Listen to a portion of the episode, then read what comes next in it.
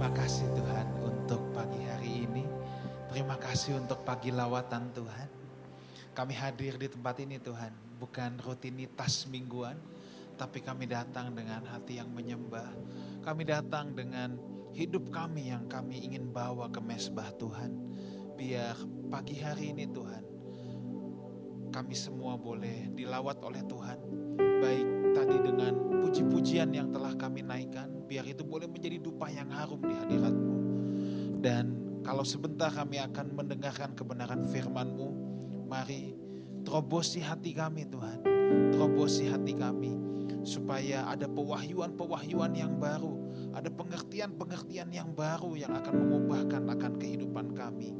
Kami mau buka hati kami seperti tanah yang subur supaya benih kebenaran firman Tuhan boleh berbuah lebat dalam hidup kami. Kami nggak mau datang dengan spirit yang sok tahu, kami nggak mau datang dengan spirit yang kesombongan, tapi kami mau merendahkan hati kami, merendahkan diri kami. Kami siap menerima isi hati Tuhan. Bicara kepada masing-masing kami Tuhan, pribadi lepas pribadi pada pagi hari ini. Tuhan, biarlah Engkau yang memakai hambamu yang sebentar akan menyampaikan kebenaran firman-Mu. Biar isi hatimu saja yang dilepaskan di tengah-tengah kami. Terima kasih Tuhan Yesus. Dalam nama Tuhan Yesus, semua jemaat Tuhan sama-sama kita katakan, amin. Puji Tuhan, berikan tepuk tangan yang meriah buat Tuhan kita. Silakan duduk, puji Tuhan. Thank you present worship team, saya percaya kita semua diberkati.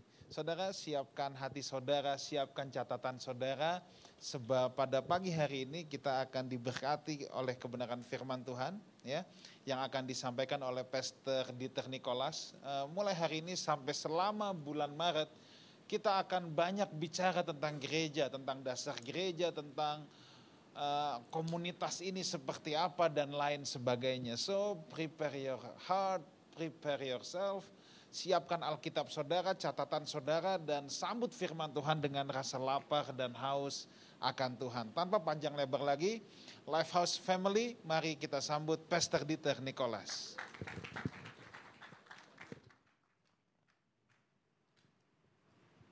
Mari kita berdoa. Bapak kami dalam sorga, terima kasih Tuhan buat siang hari ini. Kalau siang hari ini kami boleh berkumpul dengan saudara seiman kami, memuji, memuliakan nama Tuhan. Kami percaya Engkau Tuhan yang disenangkan dengan apa yang kami lakukan. Nyatakan kuasamu pada Pagi hari ini ya Bapak berfirmanlah buat setiap kami, biar pewahyuan kebenaranmu mengubahkan kehidupan kami ya Bapak. Dan kami pulang dari tempat ini kami percaya hidup kami nggak akan pernah sama lagi. Urapi mulut bibir hambamu ini di dalam nama Tuhan kami Yesus Kristus. Setiap kita yang percaya dan siap diberkati dengan kebenaran firman Tuhan. Sama-sama kita katakan, Shalom Bapak Ibu. Bagaimana kabarnya semua? Saya berharap semua dalam keadaan baik, semua dalam keadaan sehat. Dan pada pagi hari ini Bapak Ibu siap untuk belajar firman Tuhan. Saya dikasih tema tentang pentingnya life cell atau komsel ya Bapak Ibu ya. Di tempat saudara namanya life cell. Nah Bapak Ibu saudaraku terkasih dalam Tuhan, manusia adalah makhluk sosial yang paham katakan haleluya. Ya, oleh sebab itu manusia itu nggak bisa lepas dari lingkungannya Bapak Ibu ya. Lingkungan sangat berperan aktif dalam keberadaan kita Bapak Ibu. Begitu juga dengan yang namanya pergaulan. Manusia adalah makhluk yang bergaul. Manusia makhluk yang tidak bisa hidup seorang diri Bapak Ibu. Oleh sebab itu penting untuk kita berjumpa dengan orang-orang yang punya satu nilai dengan kita. Dan itu biasanya kita bisa dapatkan di komsel-komsel atau di kelompok-kelompok kecil Bapak Ibu. Ya, jadi pergaulan penting penting, pertemanan penting karena pergaulan dan pertemanan itu sama seperti orang pencet tombol lift Bapak Ibu. Saudara mau hidupnya naik ke atas, saudara tinggal pencet tombol lift yang akan membawa lift itu saudara naik ke atas atau saudara bisa nyungsep kehidupannya, saudara tinggal pencet tombol lift yang menuju ke bawah Bapak Ibu, ya kan?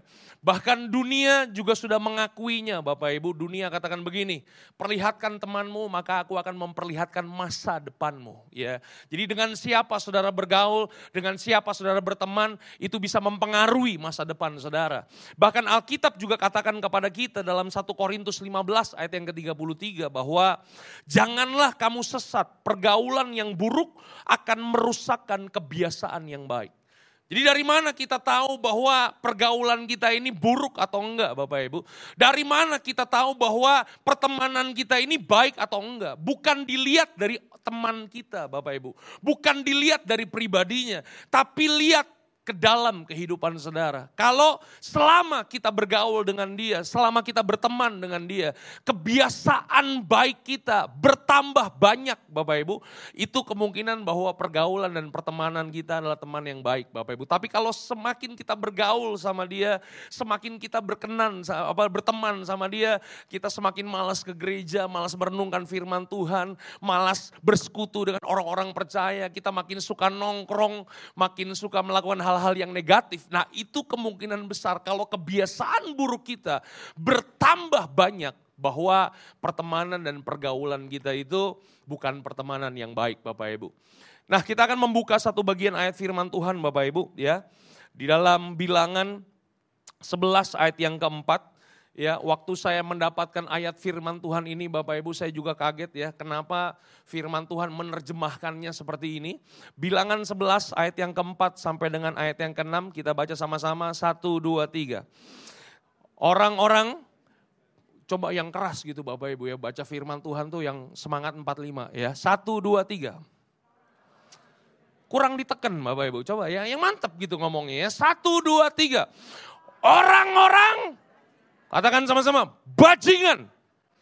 Ya, ini jangan dikat ya Bapak Ibu ya, ini zaman TikTok ya, orang-orangnya dilewatin tinggal bajingannya doang, bahaya Bapak Ibu ya. Alkitab katakan begini, orang-orang bajingan yang ada di antara mereka kemasukan apa katanya?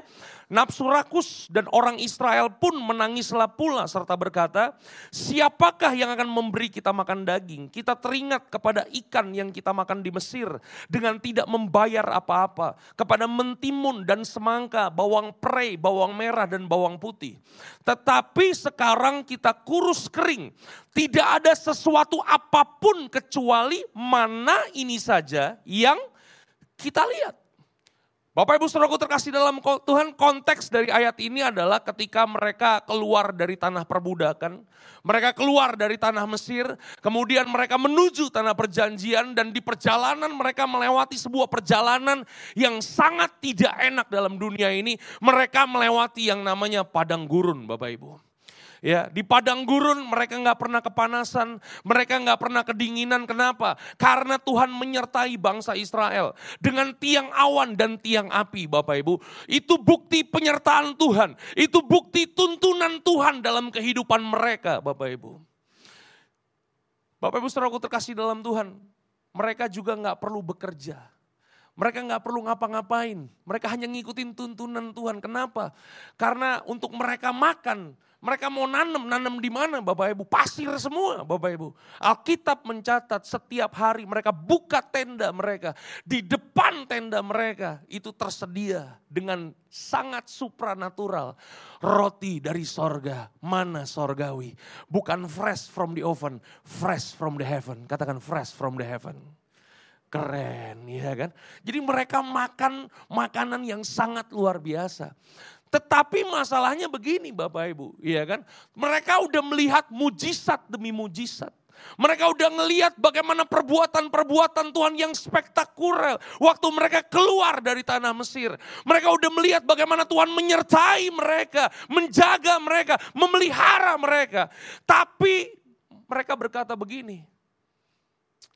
Kalau kita di Mesir, kita makan ikan, kita nggak bayar apa-apa. Kita makan capcay puyung hai. BPK karo-karo, waduh itu asik juga tuh daging itu Bapak. Kita nggak bayar apa-apa.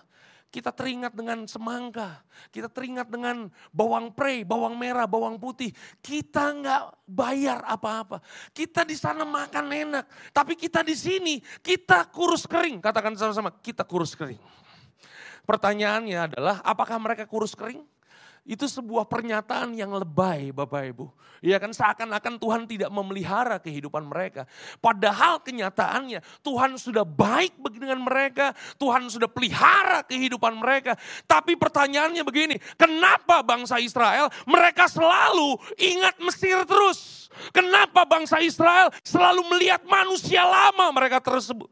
tersebut? Kenapa mereka selalu lihat ke belakang tersebut? Kenapa? Yang bisa jawab saya kasih angpau satu orang seratus ribu. Tapi kalau saudara salah jawab, saudara yang harus kasih saya angpau seratus ribu. Kenapa Bapak Ibu mereka selalu ingat manusia lama mereka tersebut? Karena bilangan 11 ayat yang keempat. Karena mereka bergaul dengan orang-orang. Apa? Kok agak takut-takut ngomongnya? Kan ini Alkitab yang ngomong. Karena mereka bergaul dengan siapa? Orang-orang apa? Coba yang mantap dong ngomongnya. Satu, dua, tiga. Orang-orang bajingan. Katakan sebelah kanan, sebelah kiri. Bajingan memang dia itu. Halo? Nah pertanyaannya begini Bapak Ibu, siapa orang-orang bajingan ini? Kan itu yang pertanyaan kita kan betul gak sih? Siapa orang-orang bajingan ini Bapak Ibu? Nah waktu saya mempelajari firman Tuhan dalam terjemahan bahasa Inggris. Orang-orang bajingan ini dipakai kata ini Bapak Ibu. Mix multitude. Katakan sama-sama mix multitude. Katakan mix. Bukan mix way. tahu mix eh, kalau mix itu es krim ya kan yang nggak boleh lihat ruko kosong itu bapak ibu tahu ya itu asik banget ya kan? nah bukan mix tapi apa mix multitude ya yang diterjemahkan adalah bangsa campuran orang-orang campuran bapak ibu jadi ternyata begini Bapak Ibu, kenapa bangsa Israel selalu melihat ke belakang terus? Kenapa mereka selalu melihat Mesir terus? Kenapa mereka mau kembali ke Mesir terus? Karena ternyata waktu mereka keluar dari tanah Mesir, yang keluar dari tanah Mesir itu bukan 100% orang darah Yahudi Bapak Ibu. Ada di antara mereka, sebagian kecil di antara mereka, ternyata mereka adalah bangsa campuran. Bangsa atau orang-orang yang tidak mengenal Allah Israel, Bapak Ibu. Waktu orang-orang bajingan ini menyertai mereka, berjalan bersama-sama dengan mereka. Sebagian orang mix multitude ini Bapak Ibu kemudian mulai menghasut. Iya kan, mulai mempengaruhi Bapak Ibu kehidupan bangsa Israel. Sehingga apa yang terjadi dengan kehidupan bangsa Israel? mereka selalu teringat ke Mesir. Mereka selalu mau kembali ke Mesir. Dan Alkitab mencatat mereka nggak masuk tanah perjanjian. Mereka tewas di padang gurun. Kenapa? Karena bergaul dengan orang-orang yang salah Bapak Ibu. Sekali lagi Bapak Ibu saudara terkasih dalam Tuhan. Kita boleh nggak bergaul dengan orang-orang di luar sana? Jawabannya boleh Bapak Ibu.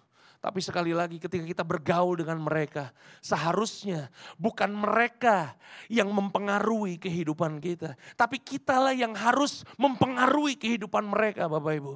Bukannya mereka yang kemudian mengajak kita jadi mereka Bapak Ibu. Bukan, seharusnya mereka yang harus mengikuti nilai dan cara hidup kita. Yang setuju katakan haleluya. Itu dia Bapak Ibu. Makanya hari ini Bapak Ibu Saudara terkasih dalam Tuhan. Kita nggak akan pernah bisa punya passion untuk melayani Tuhan. Kalau orang-orang di sekitar kita adalah orang-orang yang nggak mau melayani Tuhan Bapak Ibu.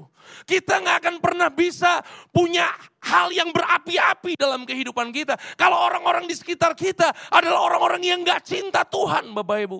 Makanya firman Tuhan katakan jangan pernah menjauhi ibadah orang percaya Bapak Ibu. Halo? Bapak Ibu saudara terkasih dalam Tuhan. Kalau hari ini Bapak Ibu belum terhisap dalam lifestyle. Katakan sebelah kanan, sebelah kiri. Inilah saatnya. Jangan menghindar lagi ini waktunya yang tepat Bapak Ibu. Untuk memberikan diri kita tertanam dalam komsel-komsel. Karena apa? Karena memang kita perlu orang-orang yang satu nilai dengan kita. Ya, Bagaimana kita bisa menjadi orang-orang yang haus dan lapar akan Tuhan. Kalau kita nggak punya orang-orang di sekitar kita yang punya passion haus dan lapar akan firman Tuhan Bapak Ibu.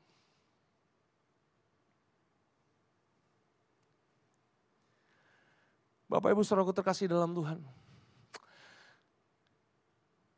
Hari ini kita juga mau belajar dari Lot Bapak Ibu.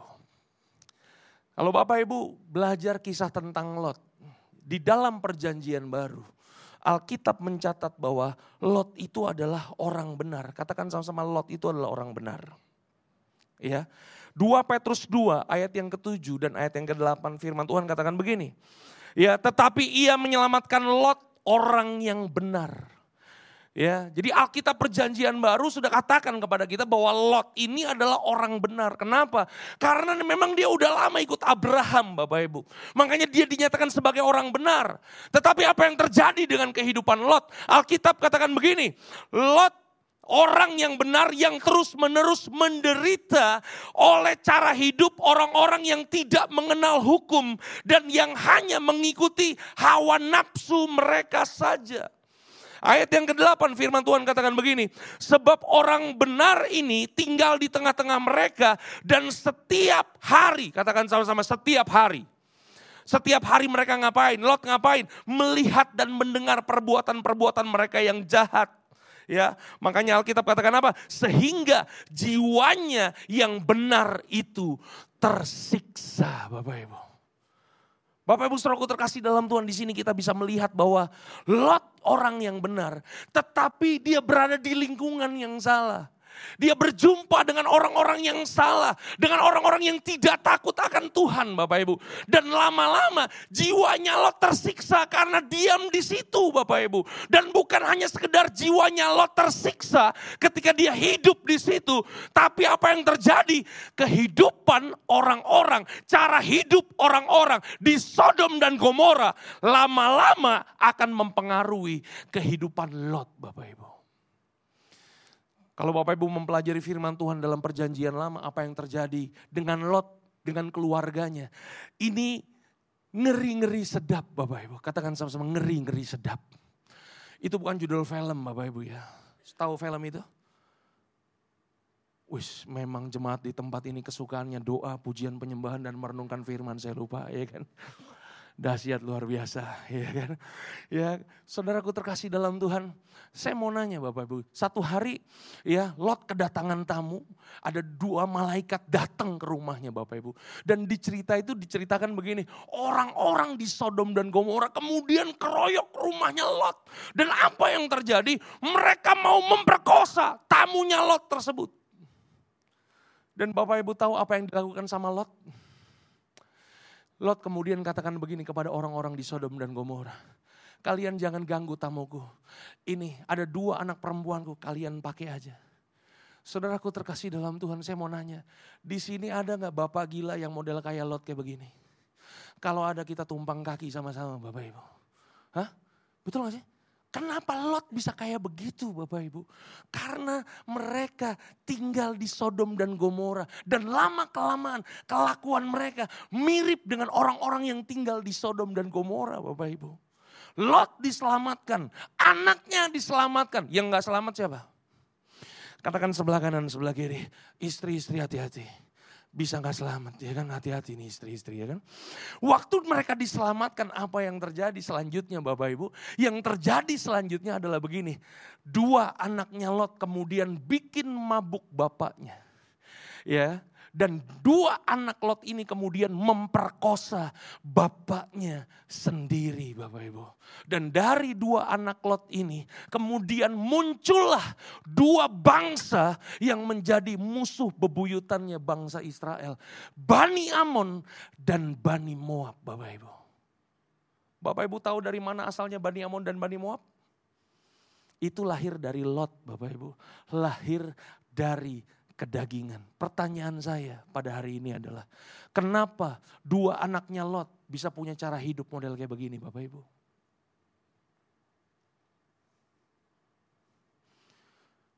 Ini untuk menjawab nggak perlu pakai angpau lagi kan Bapak Ibu ya? Hah? Kenapa dua anaknya Lot bisa punya gaya hidup model seperti ini?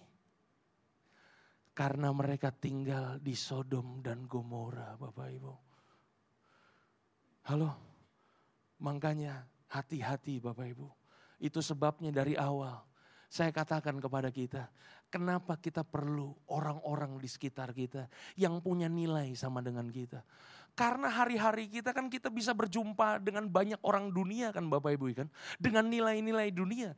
Bapak Ibu kan dalam kehidupan sehari-hari bisa nggak ketemu dengan bos yang nggak takut akan Tuhan? Nggak bisa ya? Bisa nggak? Bisa Bapak Ibu. Pernah nggak dimarahin sama bos yang nggak takut akan Tuhan? kalau Bapak Ibu punya pengalaman, saya nggak pernah Bapak Ibu, tapi saya sering dengar. Ya, kalau anak-anak di tempat kami, di pemuritan kami itu, kalau diomelin sama bos yang nggak takut akan Tuhan, itu bisa bikin kepahitan Bapak Ibu. Itu hati bisa tercabik-cabik. Kenapa? Karena kita bisa dimaki-maki, kita bisa di, waduh, dihajar dengan perkataan-perkataan yang sumpah serapah Bapak Ibu. Dan itu bisa bikin hati terluka. Hati bisa kepahitan Bapak Ibu. Setuju gak? Dan apa yang terjadi kalau kita bawa hati yang kepahitan, kita bawa ke rumah Bapak Ibu. Bisa aja hati kita yang terluka, hati kita yang kepahitan, bisa kita lampiaskan kepada pasangan kita, bisa kita lampiaskan kepada anak kita, dan pada akhirnya pasangan dan anak kita bisa kepahitan, dan itu bisa menjadikan lingkaran setan dalam kehidupan kita Bapak Ibu. Ah, setuju gak sih? Oleh sebab itu kenapa kita perlu life cell Bapak Ibu? Karena ketika kita ada di life cell Bapak Ibu. Ada orang-orang yang bisa memberikan nasihat kepada kita. Ada orang-orang yang bisa mendoakan kita. Ada orang-orang yang bisa mendukung kita. Ya, membuat hati kita yang tadinya terluka bisa sembuh. Kenapa? Karena kita dengar nasihat orang-orang yang takut akan Tuhan Bapak Ibu. Halo?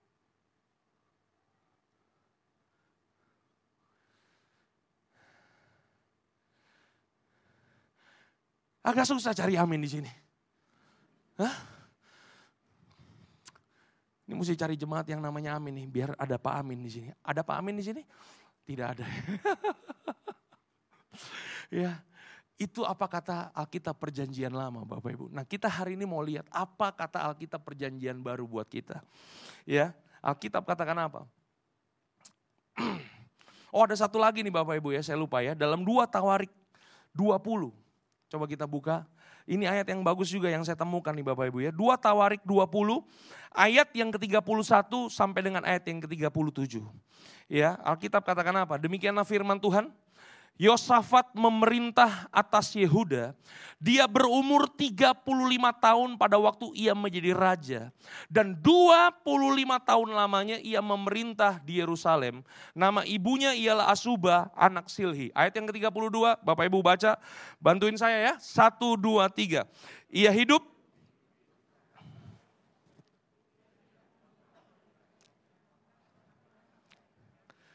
Oke, ayat yang ke-33, hanya bukit-bukit pengorbanan tidak dijauhkan.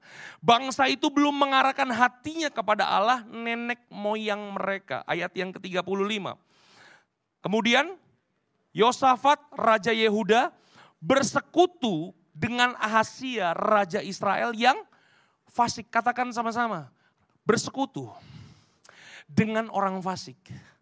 Saudaraku terkasih dalam Tuhan, orang benar kemudian bersekutu dengan raja orang fasik Bapak Ibu yang bernama Ahasia. Waktu dia bersekutu apa yang dia lakukan ayat yang ke-36, ia bersekutu dengan Ahasia untuk membuat kapal-kapal yang dapat berlayar ke Tarsis. Kapal-kapal itu dibuat mereka di Ezion Geber. Ayat yang ke-37, ayat yang terakhir kita baca sama-sama. Satu, dua, tiga.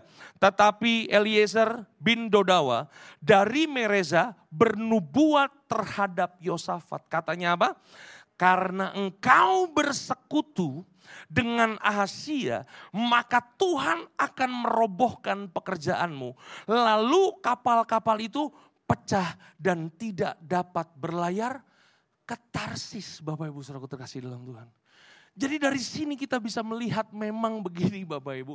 Kadang-kadang orang ya kalau kita bersekutu dengan orang-orang yang fasik perbuatannya. Kadang-kadang apa yang kita kerjakan itu bisa gagal Bapak Ibu. Kenapa? Karena memang Tuhan tidak berkenan di hadapannya. Halo. Bapak Ibu bisa ketemu dengan orang yang salah gak? Hah? Bisa ketemu orang yang salah. Saya mau nanya lebih dalam lagi nih Bapak Ibu. Bapak Ibu bisa ketemu nggak dengan orang-orang yang salah di tempat yang benar? Bisa juga, betul gak sih? Jadi begini Bapak Ibu, di tempat yang benar kita bisa aja ketemu dengan orang-orang yang salah Bapak Ibu. Apalagi kalau kita ketemu dengan orang-orang di tempat yang salah. Halo? Betul gak sih? Beberapa waktu yang lalu Bapak Ibu saya mendengar, ini saya, saya bukannya menghakimi Bapak Ibu, tapi ini yang saya dengar Bapak Ibu. Ada begitu banyak orang-orang percaya, kemudian mereka tertipu Bapak Ibu. Ya, tahu ya kasus robot trading kemarin itu Bapak Ibu yang sempat heboh itu Bapak Ibu ya. Sempat ya, dan saya melihat dan saya mendengar bahwa ada begitu banyak orang ketipu. Kenapa? Karena mereka berkenalan dengan orang-orang yang salah. Justru di tempat-tempat yang benar Bapak Ibu. Jadi kalau di tempat yang benar aja kita bisa berjumpa dengan orang yang salah. Apalagi kalau kita berjumpa dengan orang yang salah di tempat yang salah Bapak Ibu. Oleh sebab itu hari ini Bapak Ibu Saudara terkasih dalam Tuhan firman Tuhan sudah katakan kepada kita. Pergaulan dan pertemanan kita bisa membawa masa depan kita makin dekat dengan kita. Atau masa depan kita makin jauh dengan kita. Tergantung pilihan saudara. Halo? Oleh sebab itu kalau di gereja ini Bapak Ibu. Ada sarananya untuk saudara bisa berjumpa dengan orang-orang yang takut akan Tuhan, dengan orang-orang yang punya nilai yang sama, dengan orang-orang yang sama-sama punya rasa haus dan lapar dengan firman Tuhan, yang senang belajar firman Tuhan. Mari Bapak Ibu, berikan diri kita untuk dimuridkan. Berikan diri kita untuk kita tertanam di komsel-komsel yang ada Bapak Ibu. Katakan sebelah kanan, sebelah kiri. Kita nggak akan pernah bisa hidup maksimal kalau kita cuma sendirian Bapak Ibu. Amin. Ya, apa kata Alkitab perjanjian baru Bapak Ibu? Alkitab katakan begini. Ya, ini satu kisah yang sangat luar biasa nih Bapak Ibu ya. Lukas 5 ayat yang ke-17 sampai dengan ayat yang ke-20. Kita baca sama-sama 1, 2, 3.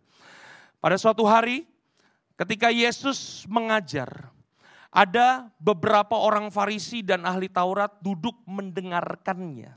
Mereka datang dari semua desa di Galilea dan Yudea dan dari Yerusalem. Kuasa Tuhan menyertai dia sehingga ia dapat menyembuhkan orang sakit. Ayat yang ke-18. Demikianlah firman Tuhan, lalu datanglah beberapa orang mengusung seorang lumpuh di atas tempat tidur. Mereka berusaha membawa dia masuk dan meletakkannya di hadapan Yesus. Ayat yang 19. Karena mereka tidak dapat membawanya masuk berhubung dengan banyaknya orang di situ. Naiklah mereka ke atap rumah, lalu membongkar atap itu dan menurunkan orang itu dengan tempat tidurnya ke tengah-tengah orang banyak tepat di depan Yesus. Ayat yang ke-20 kita baca sama-sama. Satu, dua, tiga. Ketika Yesus melihat iman mereka, berkatalah ia, Hai saudara, dosamu sudah diampuni. Bapak Ibu saudaraku terkasih dalam Tuhan dari kisah ini kita bisa melihat Bapak Ibu. Ada orang yang tadinya lumpuh, katakan sama-sama lumpuh. Orang lumpuh ini nggak bisa ngapa-ngapain Bapak Ibu. Ya, kalau dia mau ngapa-ngapain dia tuh harus bergantung sama teman-temannya Bapak Ibu. Jadi ini orang termasuk orang yang sangat merepotkan. Katakan sama-sama, sangat merepotkan. Ya, Bapak Ibu pernah nggak ketemu dengan orang-orang yang model kayak begini? Ya, yang kalau kita ketemu dia, dia bisa merepotkan kita. Nah inilah orang yang lumpuh Bapak Ibu. Orang yang nggak bisa ngapa-ngapain. Apa pun yang dia kerjakan, apa pun yang dia lakukan, dia bergantung sama teman-temannya Bapak Ibu. Dan keempat temannya juga berpikir begini, ini kalau teman kita yang lumpuh ini, kemudian kalau dia seumur hidup, ya kalau dia umurnya bisa 60 tahun berarti dia 60 tahun bergantung sama kita. Nih kalau dia hidup sampai umur 60 tahun dan 60 tahun dia bergantung sama dengan kita. Ini bahaya nih. Iya kan? Dan apa yang terjadi? Kemudian teman-temannya tahu bahwa di bait Allah itu ada Yesus. Dan mereka tahu kalau temannya ini berjumpa dengan Yesus, maka apa yang terjadi? Temannya ini punya kesempatan untuk disembuhkan. Temannya punya kesempatan untuk dipulihkan sama Yesus. Dan kemudian mereka merancang strategi. Mereka bawa temannya yang lumpuh ini, mereka bawa ke hadapan Yesus. Tapi masalah terjadi Bapak Ibu. Masalahnya apa yang terjadi? Hari itu rumah itu Bapak Ibu Alkitab mencatat full, katakan sama-sama full. Katakan sebelah kanan, sebelah kiri. Sama seperti live house. Hari ini hampir full. Iya kan? Dan waktu full apa yang terjadi itu temannya nggak bisa dibopong, nggak bisa dibawa masuk. Waktu mereka nggak bisa bawa masuk, temannya ini berusaha dengan sekuat tenaga. Ya, mereka pakai berbagai macam cara dan cara yang dipakai apa? Mereka naik ke atap Bapak Ibu, atapnya dilobangin dan temannya diturunin. Kemudian temannya itu berjumpa berhadap-hadapan dengan Yesus. Bapak Ibu Saudaraku terkasih dalam Tuhan. Dalam hidup ini itu kita perlu orang-orang yang seperti itu Bapak Ibu. Kita perlu orang-orang yang bisa membawa kita makin lama makin cinta sama Tuhan. Halo?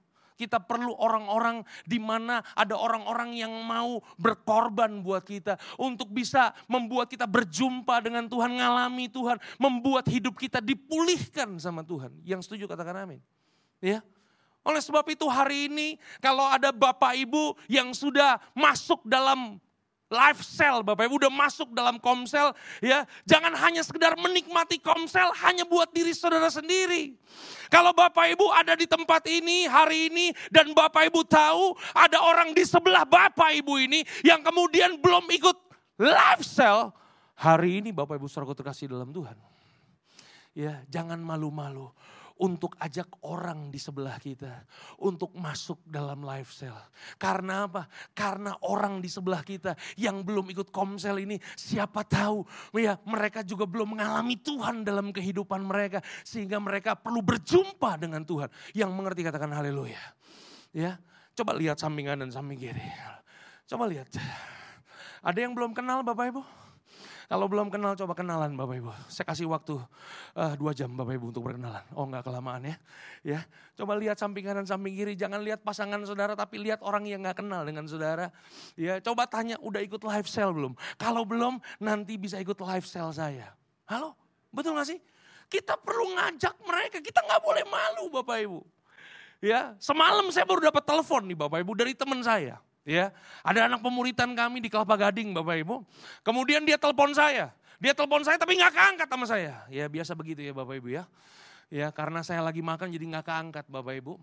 Nah setelah saya pulang sama anak dan istri, kemudian pakai eh, apa namanya pakai handphone itu terus disambung di bluetooth di mobil ya Bapak Ibu ya. Kemudian kita ngobrol. Kenapa Vi? Jadi yang nelpon saya ini namanya si Avi. Kok, ini ada sepupuku kok. Ya kan? Dia belum kenal Tuhan, dia mau dibaptis kok. Ya, oh ya udah gimana? Kapan? Uh, tapi sebentar kok. Ada adiknya yang mau ngomong. Jadi adiknya juga pemuritan di tempat kita namanya si Aina. Biar si Aina yang jelasin. Jadi si Aina ini yang punya apa namanya persahabatan dengan saudaranya ini, sepupunya ini yang mau dibaptis Bapak Ibu. Jadi orang ini apa namanya punya pergumulan Bapak Ibu. Dia tuh udah nikah, tapi nikah pengen banget punya anak, tapi setiap kali mau punya anak keguguran terus. Kenapa? Karena setiap hamil, ya dia rumahnya di daerah Bintaro, setiap hamil dia selalu ngimpi. Ngimpi ada kakek-kakek datang ke rumahnya, kemudian kakek-kakek bawa bayi.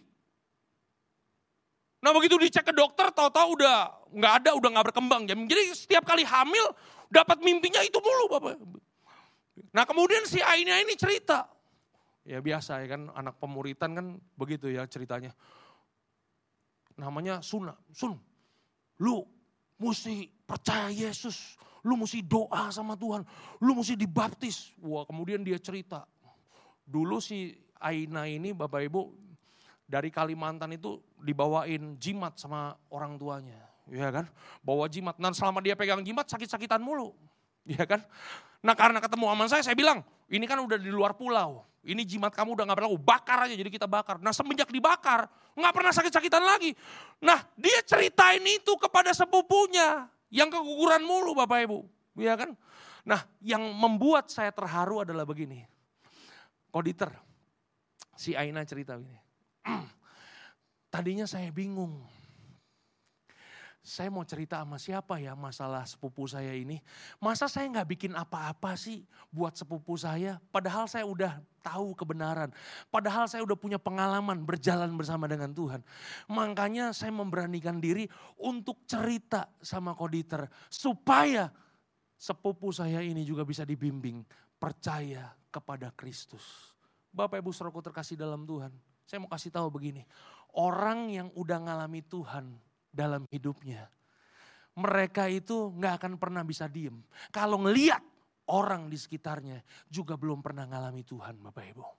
Oleh sebab itu hari ini jangan pernah malu untuk mengajak teman kita, untuk mengajak keluarga besar kita ini yang ada di Life House Church ini, Bapak Ibu Life House Community ini untuk ikut komsel sama-sama dengan kita. Kalau bukan sekarang, kapan lagi Bapak Ibu? Nah loh.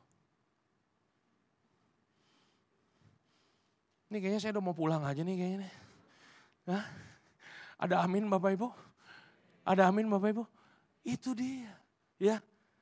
Bapak Ibu bisa bayangin orang yang lumpuh seumur hidupnya Bapak Ibu. Hidupnya bisa berubah Hidupnya bisa nggak lumpuh lagi. Dia bisa menerima mujizat yang daripada Tuhan. Orang lumpuh ini bisa berjalan. Dia bisa mengambil tilamnya sendiri. Bawa keluar Bapak Ibu. Kenapa? Karena mereka berjumpa dengan orang-orang yang mau menolong mereka. Membawa mereka kepada Kristus Bapak Ibu. Klik sekali lagi, saya mau saudara baca ini baik-baik.